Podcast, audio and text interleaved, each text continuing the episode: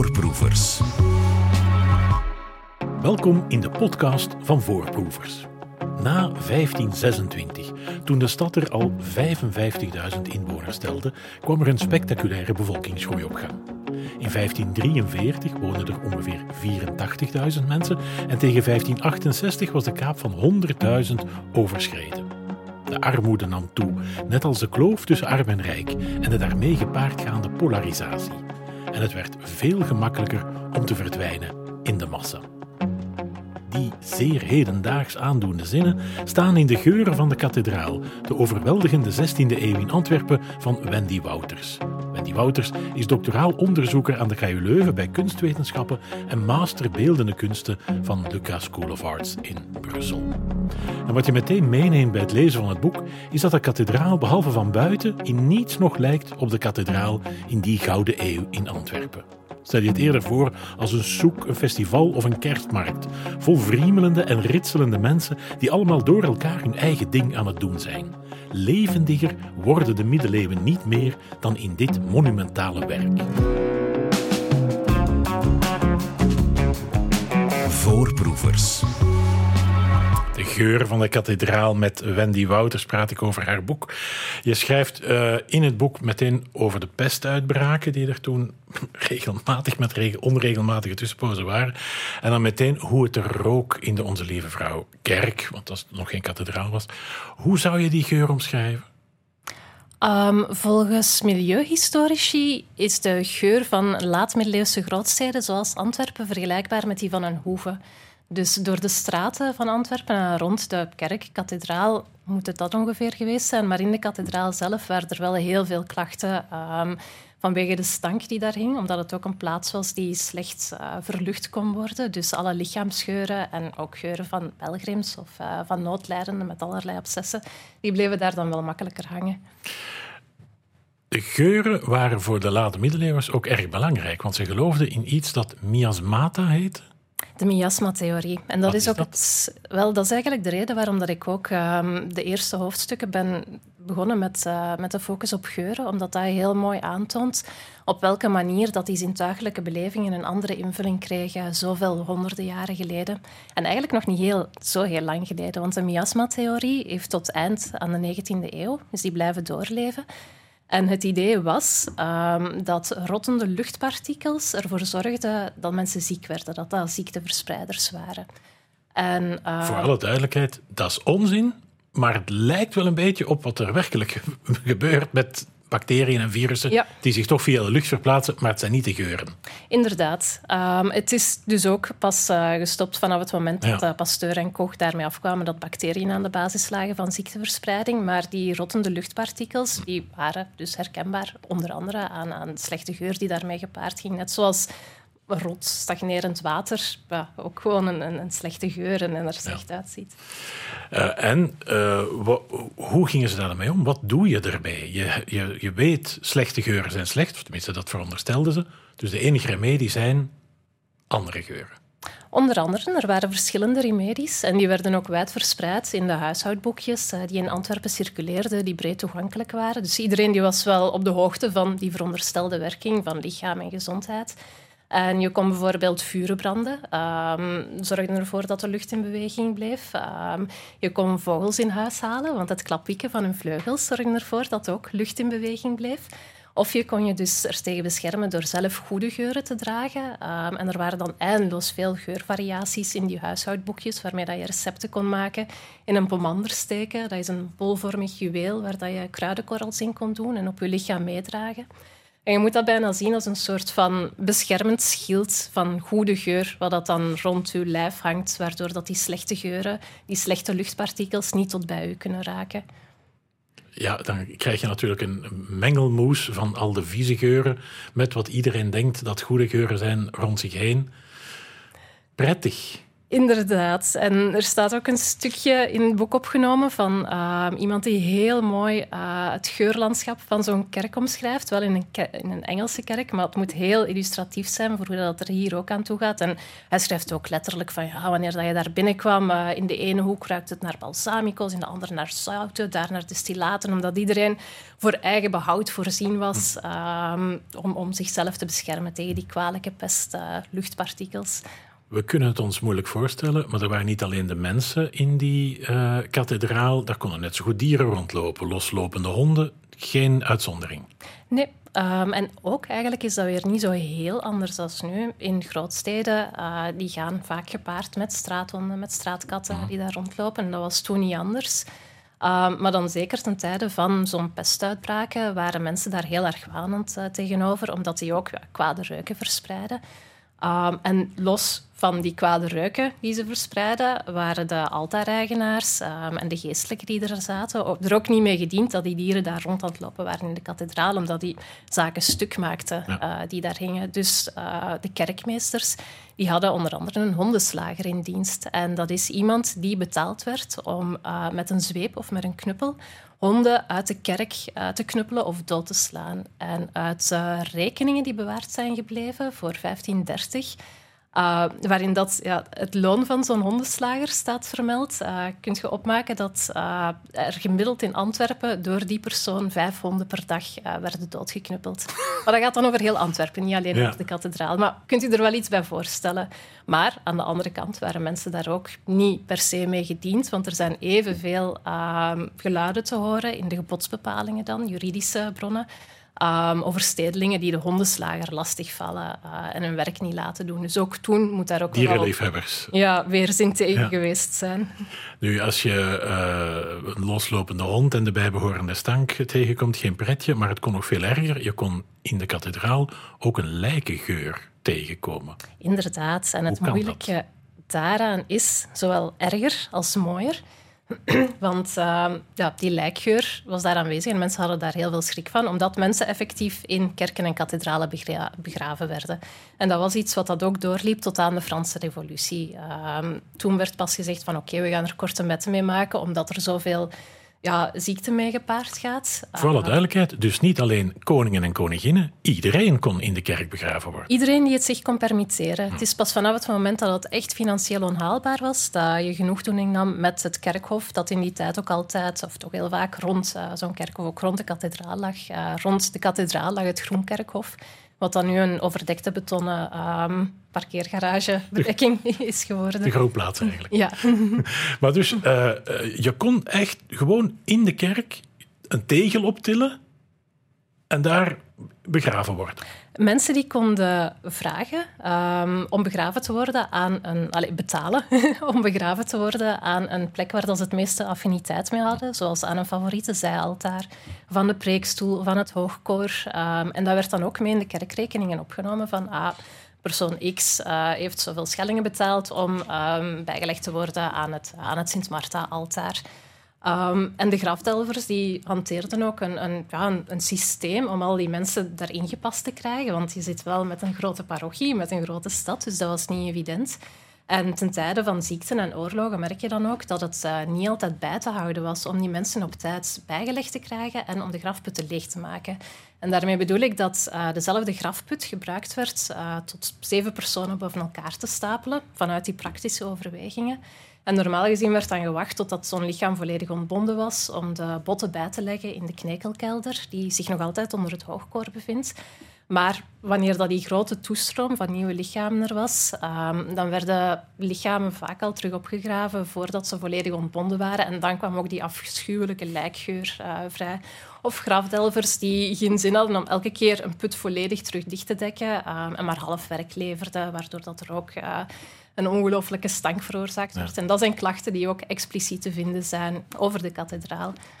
En hoe krijg je dat weg? Want uh, een beetje een onwelriekende buurman, dat lukt nog wel met wat goede geuren, maar echt ontbindende lijken, dat is een ander paar mouwen. Ja, inderdaad. Ik denk niet dat je dat echt heel hard wegkrijgt. Uh, wierook zal alleszins wel al geholpen hebben. Ehm, maar ook, ja, daar wordt dan over geklaagd van ja, het is te wensen dat er hier en daar een raam opengezet kon worden. Schrijft iemand neer ehm, om, om die lucht toch een klein beetje te kunnen verversen. Ehm, maar aan de andere kant merk je toch hoe hard dat mensen genegen waren aan die praktijk. Want vanaf het moment dat het in, in, in vraag werd gesteld um, en dat ze dat niet meer wouden toelaten, zijn mensen daar wel heel erg tegenin, ja, niet in opstand gekomen, maar dat, was wel een grote shock. Dat was niet iets waar dat mensen op zaten te wachten, om, net vanwege die emotionele affiniteit die daarmee gepaard ging, om in dat gebouw zelf begraven te worden, om daar uh, een rustplaats te vinden waar mensen kwamen bidden voor u. Veel mensen denken dat milieuverontreiniging een uh, recent fenomeen is. Dat is bepaald niet waar. Nee, zeker niet. De waterlopen in Antwerpen waren in de 15e, 16e eeuw allesbehalve schoon. Inderdaad, en dat is ook weer typisch voor grootsteden, neem ik aan. Uh, Antwerpen was dooraderd met ruien en vlieten, uh, waarop dat kleine schepen uh, met handelswaar af en aan voerden. En ja, dat waren ook plaatsen die gewoon als, als afvalstroom gebruikt werden, waar dat mensen hun huishoudelijk afval of slachtafval in deponeerden. Zelfs al was dat niet per se toegestaan. Um, en je ziet ook in de 16e eeuw dat er zo meer een milieubeleid op gang begint te komen en dat ze wel proberen om, om afval te diversifiëren, dat bijvoorbeeld het slachtafval naar het penschat, dacht ik, gebracht moet worden en ander afval nog ergens anders naartoe. Maar dat, was, ja, dat is een continue strijd doorheen de geschiedenis om daar op een goede manier mee om te gaan. En dan ook weer voornamelijk vanuit die angst om uh, ziekte uh, in te dammen, in te dijken, uh, door dat aanwezige afval. Radio 1 Voorproevers. De geur van de kathedraal gaat echt niet alleen over de geur, maar ook over wat er binnen in de kerk allemaal gebeurde. Ja, zo'n kerk diende echt niet alleen maar om zondags naar de mis te gaan. Hè. Het stond helemaal vol met altaren. Wat voor altaren en waar dienden die voor? Die altaren die dienden voornamelijk ook om de mis te vieren, maar dus meer dan alleen maar de zondagsmis. Uh, in die kathedraal uh, stond, zoals in heel veel kerken uh, toen, um, talloze zijaltaren opgesteld. en specifiek voor de kathedraal moet je denken um, minstens 57 tot meer dan 70 is hetgeen dat ik ben tegengekomen. Um, dus tegen elke pijler stond er een zijaltaar opgesteld. Tegen de wanden stonden er ook uh, zijaltaren opgesteld. En in C is zo'n zijaltaar niet anders dan het hoogaltaar dat je nu kent, uh, dat helemaal van voor in een kerk staat aan het hoogkoor. Die altaren die werden um, gerund door één à vier verschillende stichters. En stichters konden zijn ofwel privépersonen die geld nalieten, uh, zodat er een kapelaan bijvoorbeeld op donderdag om zeven uur elke week een mis kon lezen uh, voor hun zielenheil en dat van hun vrouw en kinderen. Uh, of dat konden ook broederschappen zijn of ambachten die als vereniging uh, zo'n mis lieten stichten. Om dan bijvoorbeeld op vrijdag om zes uur een mis te laten lezen en op zaterdag om twaalf uur een mis te laten zingen. En dat was dan met extra speellieden bij en veel meer pompen. Um, dus dat was een heel choreografisch parcours van, van missen en misdiensten die door elkaar aan het lopen waren ook. En ze, ze schermden ook elkaar zich hun eigen altaar een beetje af. Er kon een doek voor hangen of... Uh... Aankleding vooral. Ah, ja. het, is, het, is, niet zozeer... Het is ook afscherming, maar dan vooral met hekwerk. Um, de aankleding van zo'n altaar hing dan af van uh, ja, hoe, hoe welgesteld dat zo'n stichting was die daaraan zat. Um, de stichtingen die een altaar deelden, die werkten ook samen om dat altaar aan te kleden. Of die vulden elkaar aan eerder. Samenwerken is misschien te positief gesteld. Um, dus afhankelijk van, ja, van die financiële slagkracht had zo'n altaar sowieso altaargordijnen. Dus denk aan de zijkant lange mhm. fluwelen uh, gordijnen die daar hangen in verschillende kleuren. Uh, naar gelang de feestdag uh, was er een bepaalde kleurencode um, voorzien. Um, een altaardoek die over zo'n altaarblad hing. Uh, geel-koperen of zilveren altaargerei, wijwaterkwispels, kelken, die allemaal aan het blinken zijn in dat kaarslicht dat er ook staat. Uh, een tapijt en sierkussens die rond konden gelegd worden. En dan ook eventueel hekwerk uh, rond zo'n altaar. en ook nog banken konden erbij gezet worden. Een altaarstuk met vleugels die open en dicht klapten, waar dat ook weer regels voor waren. Dus dat was continu in verandering, zo'n gebouw. En ja, het ene altaar werd echt afgesloten, zoals je zegt. Dat dat hekwerk uh, een sleutel had, zodat alleen maar de leden um, daar de mis konden gaan vormen. En anderen, daar kon je wel makkelijker bij gaan zitten. Je kon je eigen stoel meebrengen ook, stel dat er geen banken waren om je erbij te zetten. De kathedraal is natuurlijk opgedragen aan uh, Maria, onze lieve vrouw. Uh, die had twee beelden in de, in de kathedraal. Wat is het verschil tussen beide? Wel, het uh, zogenaamde officiële beeld, um, het mooie, prestigieuze beeld, stond in uh, de kapel van de Gilde van Onze Lieve Vrouwenlof. Mm. Dat was een heel welgestelde gilde um, en dat was ook te horen aan de aankleding van hun kapel. En dan had je een officieus mirakelbeeld, Onze Lieve Vrouw op het stokske. En dat moet ook ergens aan de noordkant hebben gestaan, uh, maar dat is niet zeker, die locatie. En dat is dan een Mariabeeld dat op een stok stond en dat um, volgens de kronieken in 1472, denk ik, maar ik ben niet zeker, uh, mirakelen begon te verrichten. Um, en waardoor dat er dus een hele uh, stoet van pelgrims, van bedevaarders op gang kwam om daar ook voor um, zielenheil, lichaamsheil ja. af te smeken. En het was de, de grote Maria die op de processie, de processie meeging. Ja, inderdaad. Die op haar stokje bleef op haar stokje. Die bleef daar staan. Ja. Mm-hmm. Er was ook een, een, processie rond de heilige voorhuid. Ja, nog zo'n belangrijke... Hm. Een belangrijk reliquie, zijnde namelijk de enige echte voorhuid van Jezus Christus, die was in Antwerpen in de Onze Lieve Vrouw kathedraal. Um, volgens het kapitel wel. Dus ja. volgens het college van Kanunike dat, uh, dat de kathedraal beheerde. Um, ze zijn dan teruggefloten door uh, een, een, populaire mystica die zei van ja, nee, die, die het toch in twijfel trok dat daar de echte voorhuid uh, bewaard werd. En dan heeft het kapitel uiteindelijk gezegd van ja, oké, het zijn belangrijke delen van de enige echte voorhuid. En zo hebben ze het wat kunnen omzeilen, want uh, op een bepaald moment circuleerden er uh, 17 of 21 voorhuiden over de wereld, aangezien dat uh, ja, Christus ten hemel is gegaan. Wat dat inhoudt, dat er weinig of geen lichamelijke resten van hem hier zijn overgebleven. Er zijn een aantal melktanden die als reliek worden vereerd. En dus ook de voorhuid, aangezien dat hij conform de Joodse traditie wel besneden is geweest, is dat iets waar dat toen iemand ook al de tegenwoordigheid van geest uh, van heeft gehad uh, om het te bewaren, om, uh, dat het zoveel jaren later als reliek vereerd kon worden. Kan dat nog bestudeerd worden? Ze zijn allemaal verloren gegaan. Jammer. Ja, helaas. Het had ons veel kunnen leren. uh, zowel een heilige voorhuid als een miraculeuze Maria, als de hele pracht en praal van die kathedraal zelf, trekt natuurlijk zeer veel bezoekers aan. Geen toeristen op dat moment, dat heet op dat moment pelgrims. Pelgrims um, en ook gewoon echt kunstminnende of muziekminnende reizigers die vanuit het buitenland naar daar komen en daar ook over schrijven ja. uh, in hun al dan niet gepubliceerde teksten we komen eigenlijk al snel terug weer bij de geuren uit, want een pelgrim die van ver komt, dat zal niet fris ruiken. Hè? Nee, niet per se. Um, in Santiago de Compostela hebben ze daar ook um, een ritueel voor, voor bedacht, uh, Lava Mentula. En er is een, uh, een, rivier die net buiten de stad stroomt. En het idee is dan dat de pelgrims daardoor waden of zwemmen, voordat ze dan echt Santiago en de, kathedraal, en, de kathedraal binnenkomen met het idee van spirituele reiniging, maar dus ook hoogstwaarschijnlijk fysieke reiniging. Zoiets was er in Antwerpen niet, maar ja, er wordt wel regelmatig geklaagd over de geur van samentroepende pelgrims wanneer dat het gaat over uh, momenten waar, dat, waar dat veel volk samenkomt. Ik begrijp uit uw boek dat kleren ook een rol kunnen spelen in, uh, in je eigen hygiëne.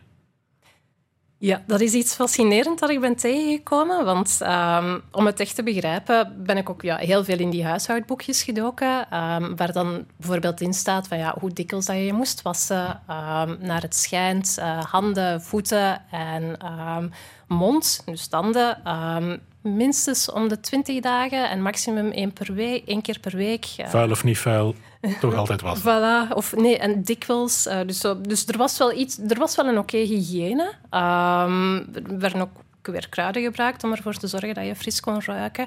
Uh, maar het moet wel penetranter geweest zijn dan nu. Want kleren bijvoorbeeld, die werden dan, uh, konden ook gebruikt worden als een soort van droog bad. Namelijk door het schuiven van, uh, allee, door de wrijving van stoffen, van kleren tegen je huid. dat werd hetzelfde gezien als een bad. Dan werd je ook gereinigd. Dus ja, die kleren die moeten na verloop van tijd ook niet altijd even fris geroken meer hebben. Waren er eigenlijk klassementen in geur? Waren zo de meest goddelijke geur, de beste geur die je kon hebben?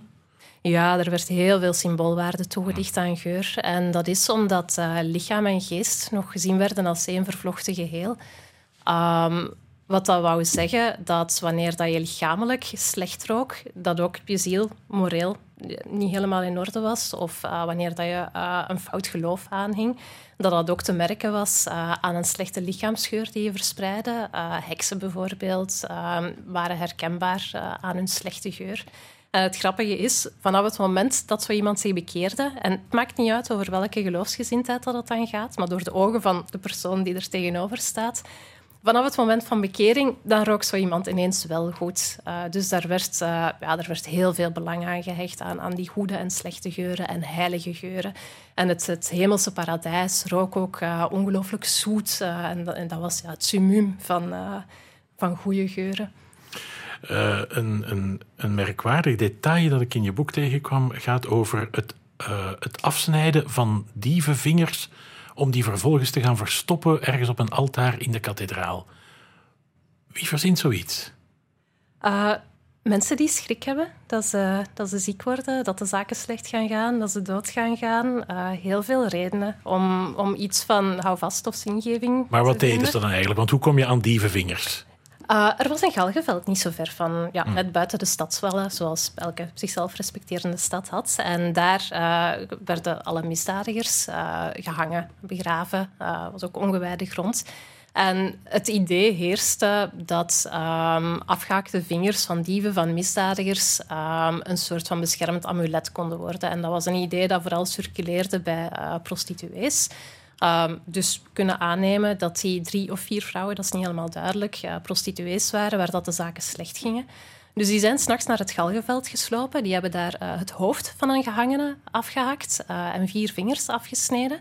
En aan hun huis, aan hun plek, begraven um, onder de dorpel, in de schouw, um, ook nog water, wijwater gesprenkeld aan het raam, aan de raamkozijn. Alleszins zo de, de, de, poorten van het huis. Die werden gereinigd of beschermd. En die dievenvingeren die, um, konden ja, kracht, als een potent, als een krachtig amulet uh, gemaakt worden, doordat er een mis over gelezen zou worden. Dus die vrouwen die hebben die vier vingers verstopt onder een van de heel vele zijaltaren die daar stonden in de kathedraal, onder de altaardwaal, dus het doek die over zo'n altaar ligt zodat de priester daar een mis over zou lezen. En dan kon ze het terug eruit halen en ook weer verder het ritueel voltooien. Maar ze zijn dus uh, geklist door iemand die hen heeft gezien, dat is niet duidelijk. Um, en ze hebben dan van de wereldlijke um, rechtbank een straf gekregen omdat ze ongeoorloofd lichaamsdelen waren gaan roven. Want daar moest je toestemming voor vragen. Ook weer, dat waren vaak dan studenten medische uh, geneeskunst die zo'n zaken nodig hadden. En vanuit de kerkelijke rechtbank, omdat ze ja, officieuze praktijken, magische praktijken hadden beoefend, um, zonder medeweten van, van die priester. Dus daar hebben ze dan ook een schandstraf voor gekregen. Maar die hadden dat niet zelf verzonnen. Het, het krachtig maken van voorwerpen door er mis over te lezen, was vaste prik. Ja, en dat moet dan ook weer begrepen worden vanuit dat idee dat uh, zintuigen een andere betekenis krijgen toegedicht. Um, omdat uh, zintuigelijke prikkels op je lichaam een invloed uitoefenen. Maar aangezien dat lichaam en, en ziel en geest verstrengeld zijn, oefent het ook een lichaam op je ziel en dus op je zielenheil, uit. Um, werden gewoon al het bijwonen van een mis of het horen van gezangen um, of van ja, goede spirituele um, activiteiten had al onmiddellijk een effect op uw zielenheil. En dat is ook iets wat dat expliciet gezegd werd. Zo van, ja, je moet het zelfs niet begrijpen wat dat er precies uh, gebeurt in de mis of wat dat de priester precies zegt. Gewoon uw aanwezigheid daar zorgt er al voor dat je spiritueel gereinigd bent. En dan wordt er de vergelijking gemaakt met uh, vuile potten waar water in gegoten wordt en geen water in blijft, maar toch, ze zijn gereinigd geworden. Maar dat gold dus ook voor objecten. Dus objecten die konden ook op die manier eenzelfde um, hiërarchisch hogere uh, spirituele status uh, krijgen door die geluiden, door dat stemgeluid van de priester, door het gebed dat erover gelezen werd, door de aanwezigheid van het heilig sacrament. Ja, want je, je verklaart het nu eigenlijk ook een beetje. Het is niet alleen die geuren, het zijn alle zintuigen die een belangrijke rol spelen. Hè. Dus ook ja, het aanraken, het horen, het zien. Even belangrijk als, uh, als de geur, uiteraard. Ja, je moet, uh, moet dat echt zien als een, als een hindernissenparcours waar dat je door aan het lopen bent. Maar de, het moeilijkste vond ik om dat ook weer niet te overdenken. Want het is iets wat je makkelijk weer te veel nadruk op begint te leggen. Dat is iets hoe dat je bent opgegroeid, wat dat gewoon in je cultuur zit. Um, dus dat moet niet iets zijn waar dat mensen zich continu bewust van waren. Van, oh, doe ik dit of dat, dat. Vanaf het moment dat je daarmee bent opgegroeid en iedereen rond je doet hetzelfde, dan past je automatisch, ja. gedraagt je automatisch ook uh, op een bepaalde manier. Je zou dat vanuit een uh, eh, 21e eeuwse blik allemaal als uh, heel bizar bijgeloof kunnen bekijken.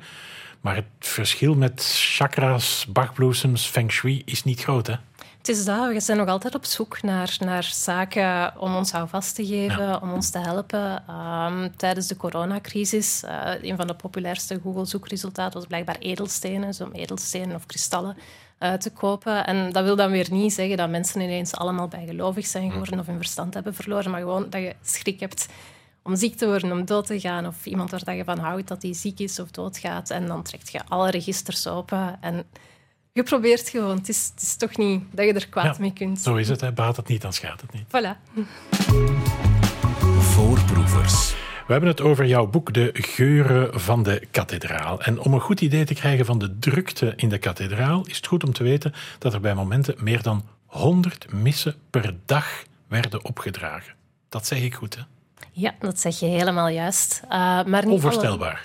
Onvoorstelbaar. Uh, vooral hoe dat, dat praktisch in zijn werk gegaan moet zijn. Want uh, komt ook vaak geluiden te horen waarbij dan de ene stichting klaagt over een andere of, of probeert overeen te komen om niet een mis te vieren op het moment dat twee altaren verder dat er ook eentje wordt gevierd. of dat ze elkaar toch aan het storen zijn of voor de voeten lopen. Maar de meeste van die missen die werden wel in stilte gevierd. Dus het is niet zo dat dat één cacophonie van geluid was uh, de hele tijd. En om dat juist te kunnen duiden, heb ik ook tijdens mijn onderzoek heel vaak de zaken die ik vond op, een, op het ja, oudst bewaard gebleven grondplan van de kathedraal aangeduid. En dan merk je ook veel Allee, snap je veel beter die tegenstrijdige uh, berichtgeving die er is over zaken zoals het klanklandschap of het geurlandschap. Soms kon het heel erg druk zijn in één bepaalde zone van de kathedraal, uh, terwijl dat ergens anders totaal stil, rustig was. En dan merk je dan ook, de ene zegt van ja, het is een duiventil, terwijl dat de andere zo het prachtige, majestueuze land, uh, klanklandschap uh, bezingt. Dus dat was toen ook al heel, ja, heel persoonsgebonden en heel locatiegebonden. Dus die kerk heeft enorm veel aantrek, 100 missen per dag, maar tegelijkertijd is de 16e eeuw ook de opkomst van Calvinisten, Lutherianen.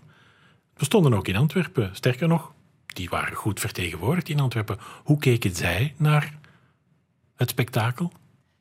Dat is ook heel uiteenlopend, um, omdat ze ook zelf nog aan het zoeken waren naar hetgeen waar dat ze wel en niet tegen waren. En je merkt ook zelfs aan de, de kopstukken dat die ook um, van mening veranderen doorheen hun leven. Niemand blijft heel zijn leven lang hetzelfde uh, denken over iets. Um, dus er was, er was zeker wel een, een, een eensgezindheid van uh, dat het anders kon en dat er uh, terug naar bronteksten gegaan moest worden en, en dat het uh, te veel uiterlijk vertoon, dat dat niet goed was. Maar die verschillende religieuze stromingen die er waren, zoals het Calvinisme en, en Lutheranen, op zich hadden die niet die stonden wel lijnrecht uh, vaak tegenover elkaar uh, wanneer dat het ging over hoe dat dan precies tot uitvoering gebracht moest worden. En daar had je dan ook hele radicale stemmen in. En de grootste hoop waren gewoon mensen die het wat in twijfel aan het trekken waren en nieuwsgierig waren naar wat dat dan de andere mogelijkheden waren. Maar ze vonden ook hun plek in de kathedraal en waren er ook welkom. Er werd niet gecontroleerd bij de ingang welke gezindheid hij had. Hm. Um, maar ook zelfs binnen de, de um, conservatieve gelovigen, want katholieken, die term werd toen nog niet nee. gebruikt, um, had je ook al verschillende meningen uh, over wat dat een juist ritueel... Wanneer dat een ritueel te ver ging, bijvoorbeeld uh, het opheffen van het heilig sacrament, werd door sommige traditionele gelovigen ook al gezien als te veel vertoon. En zij gingen dan meer aan de zijkant uh, staan tijdens zo'n misviering, zodat ze die elevatie niet per se zagen, um, omdat voor hun de nadruk lag op, op de rest van het gebed dat gevierd werd. In uh, 1566 lopen de spanningen tussen het Roomse gezag en de Lutheranen en de Calvinisten hoog op. Hoe hoog? heel hoog. Uh, dan woedt de beeldenstorm over heel de Nederlanden. En dat wordt uh, in Steenokkerzijl, Stevoort, uh, in, Stevoort, in, in gang getrapt. Ja. Um, en dat is echt ja, like een olievlek dat het zich uitspreidt um, richting Antwerpen. Ik denk in, in juli dat het daar begonnen is. En ja, een maand later um, komen ze dan ook in Antwerpen aan. En de steden die zich voorzien hadden, en de poorten gesloten hielden, daar, uh, daar hebben de kerken, de kerkinterieuren stand gehouden. Maar in Antwerpen dachten ze dat het niet zo ver zou komen. Dus zijn ze toch binnengeraakt. En hier zijn de kathedralen, is de kathedraal en zijn de kerken wel kort en klein geslagen. Was dat een gecoördineerde actie of een spontane opwelling? Wel een gecoördineerde actie. Er waren al heel veel um, hagepreken gaande in de maanden. Hagepreken zijn de buiten de kerk, zelfs buiten de stad. Ja, inderdaad. Waar dat dan uh, Lutheraanse en Calvinistische uh, predicaties doorgingen. En daar werd wel al heel oproerende taal gesproken. Dus in dat opzicht zat het er al ergens aan te komen. Um, er waren ook al gevallen van iconoclasme gekend, dus beelden uh, die afgebroken werden. kruisbeelden die ergens aan een brug stonden of tegen een gevel stonden. Uh, maar ja, dat het dan zo tot, uh, tot ontploffing is gekomen, daar, daar zat wel een gecoördineerde uh, actie achter. Van... simpel gezegd, voor wie het een beetje vergeten is, de beeldstorm is gericht tegen de afgoderij eigenlijk van allerlei afbeeldingen die niet zuiver recht uit de Bijbel komen. Hè? Tegen de Roomse opsmuk, ja. tegen beelden in het algemeen. Dus, en hoe ver ging die in Antwerpen? Um, wel, het interieur is, uh, is heel erg vernield geworden. Ze zijn begonnen in de kathedraal. Uh, alle heiligenbeelden zijn daar afgeslagen, altaarstukken naar beneden gehaald, de orgels naar beneden getrokken. Je hebt dan verslagen waarin dat staat hoe dat kinderen met orgelpijpen door de straten aan het lopen zijn en aan het spelen prachtige koorboeken die er staan, en blaren uitgescheurd en in die vlieten en ruien gesmeten. Dus daar is heel veel vernietigd geworden op, op echt maar een paar uur tijd. En dan de dag daarna zijn ze nog teruggekomen met hoge ladders om ook de apostelbeelden die, tegen, die hoog tegen de pilaren stonden, om die af te kunnen trekken en in kort en klein te slaan. Maar ja, het is je had dan die, die radicale um, hervormingsgezinden, maar heel veel hervormingsgezinden die konden zich daar niet in vinden. Die vonden dat ook veel te extreem. Dus je had ook mensen die aan de kerkportalen stonden, ook Luthersgezinden uh, en Calvin, Luther, die um, ja, geroofde kerkschatten terug afpakten, omdat ze zoiets hadden van ja, niet in onze naam, deze is ook niet hetgeen wat we willen. En je had ook heel veel um, van die reformatoren, die zeiden van ja, hier, hier gaat sowieso, jullie gaan hier nog heel veel spijt van krijgen, want dat is de geschiedenis die uitgewist wordt van jullie voorouders. Ja, uh, en, maar dat was geen verdediging. Dat is zo... Er, is, er was geen weerstand tegen de beeldstorm. Het is, het is heel snel gegaan in Antwerpen ook. Er was wel verdediging in de buurt van het stadhuis, omdat ze dachten dat, uh, dat de mogelijkheid erin zat dat er ook nog naar daar getrokken werd. Um, in andere steden hadden ze gezien dat wanneer dat, uh, de stadswacht zich dan uh, in zo'n zo kerk zou begeven om weerstand te bieden, dat dat toch nog veel meer bloedvergieten leidde. Dus het was, het was wel een berekende keuze hoe dat eraan toegegaan is. Misschien achteraf gezien dat het anders gedaan zouden hebben, maar op dat moment, met hetgeen wat dat ze wisten, was er wel over nagedacht. We laten nog liever de kerk afbreken dan dat er een burgeroorlog uitbreekt. Ja, dat idee. Eigenlijk. Inderdaad. Maar dat was wel het einde van de kathedraal zoals wij ze nu kennen na dit uurtje. Um, het is vooral de Franse Revolutie toch, die echt wel korte metten heeft gemaakt met hoe dat het gebouw eraan toe, uh, ja, er nu uitziet. Dat was het einde van de kathedraal, um, van die oudere gotische altaarstukken. Um, maar daarna zijn er heel, is het terug een wederopbouw gekomen in de nieuwe Italianiserende barokke stijl. En gewoon veranderend uh, mode met de eeuwen heen uh, is, dat, is dat interieur ook veranderd. Maar ten tijde van de Franse revolutie, um, dan is wel alles, alles geplunderd geweest, alles afgebroken geworden. Um, De vloertegels die hier op dit moment liggen, die zijn zelfs niet meer origineel. De preekstoel die ze speciaal hadden bijgehouden, die de beeldenstorm had overleefd en die ze op dat moment in Antwerpen eigenlijk al mottig vonden. En wat dat ook zo staat, is oh ja, dat lelijke oude gotische koorstoel. Maar de bijlsporen die waren er nog in te zien en die werden dan wel als een soort ereteken geprezen, want hij had de beeldenstormers overleefd. Die is ook tijdens de Franse revolutie dan uh, eruit gehaald. En oftewel zit ergens in een privéverzameling in Engeland, oftewel is die ook uh, verloren gegaan. Hartelijk dank. De geur van de kathedraal, de overweldigende 16e eeuw in Antwerpen van Wendy Wouters, is uitgegeven bij Lano.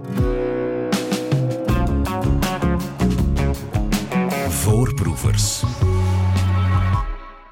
Dit was Voorproevers over het boek De geuren van de kathedraal met Wendy Wouters. Fijn dat je luisterde. Alle eerdere afleveringen van onze podcast vind je op VRT Max en je kan ons ook horen op Radio 1 iedere avond van maandag tot donderdag tussen 6 en 7 en op zaterdag tussen 12 en 1.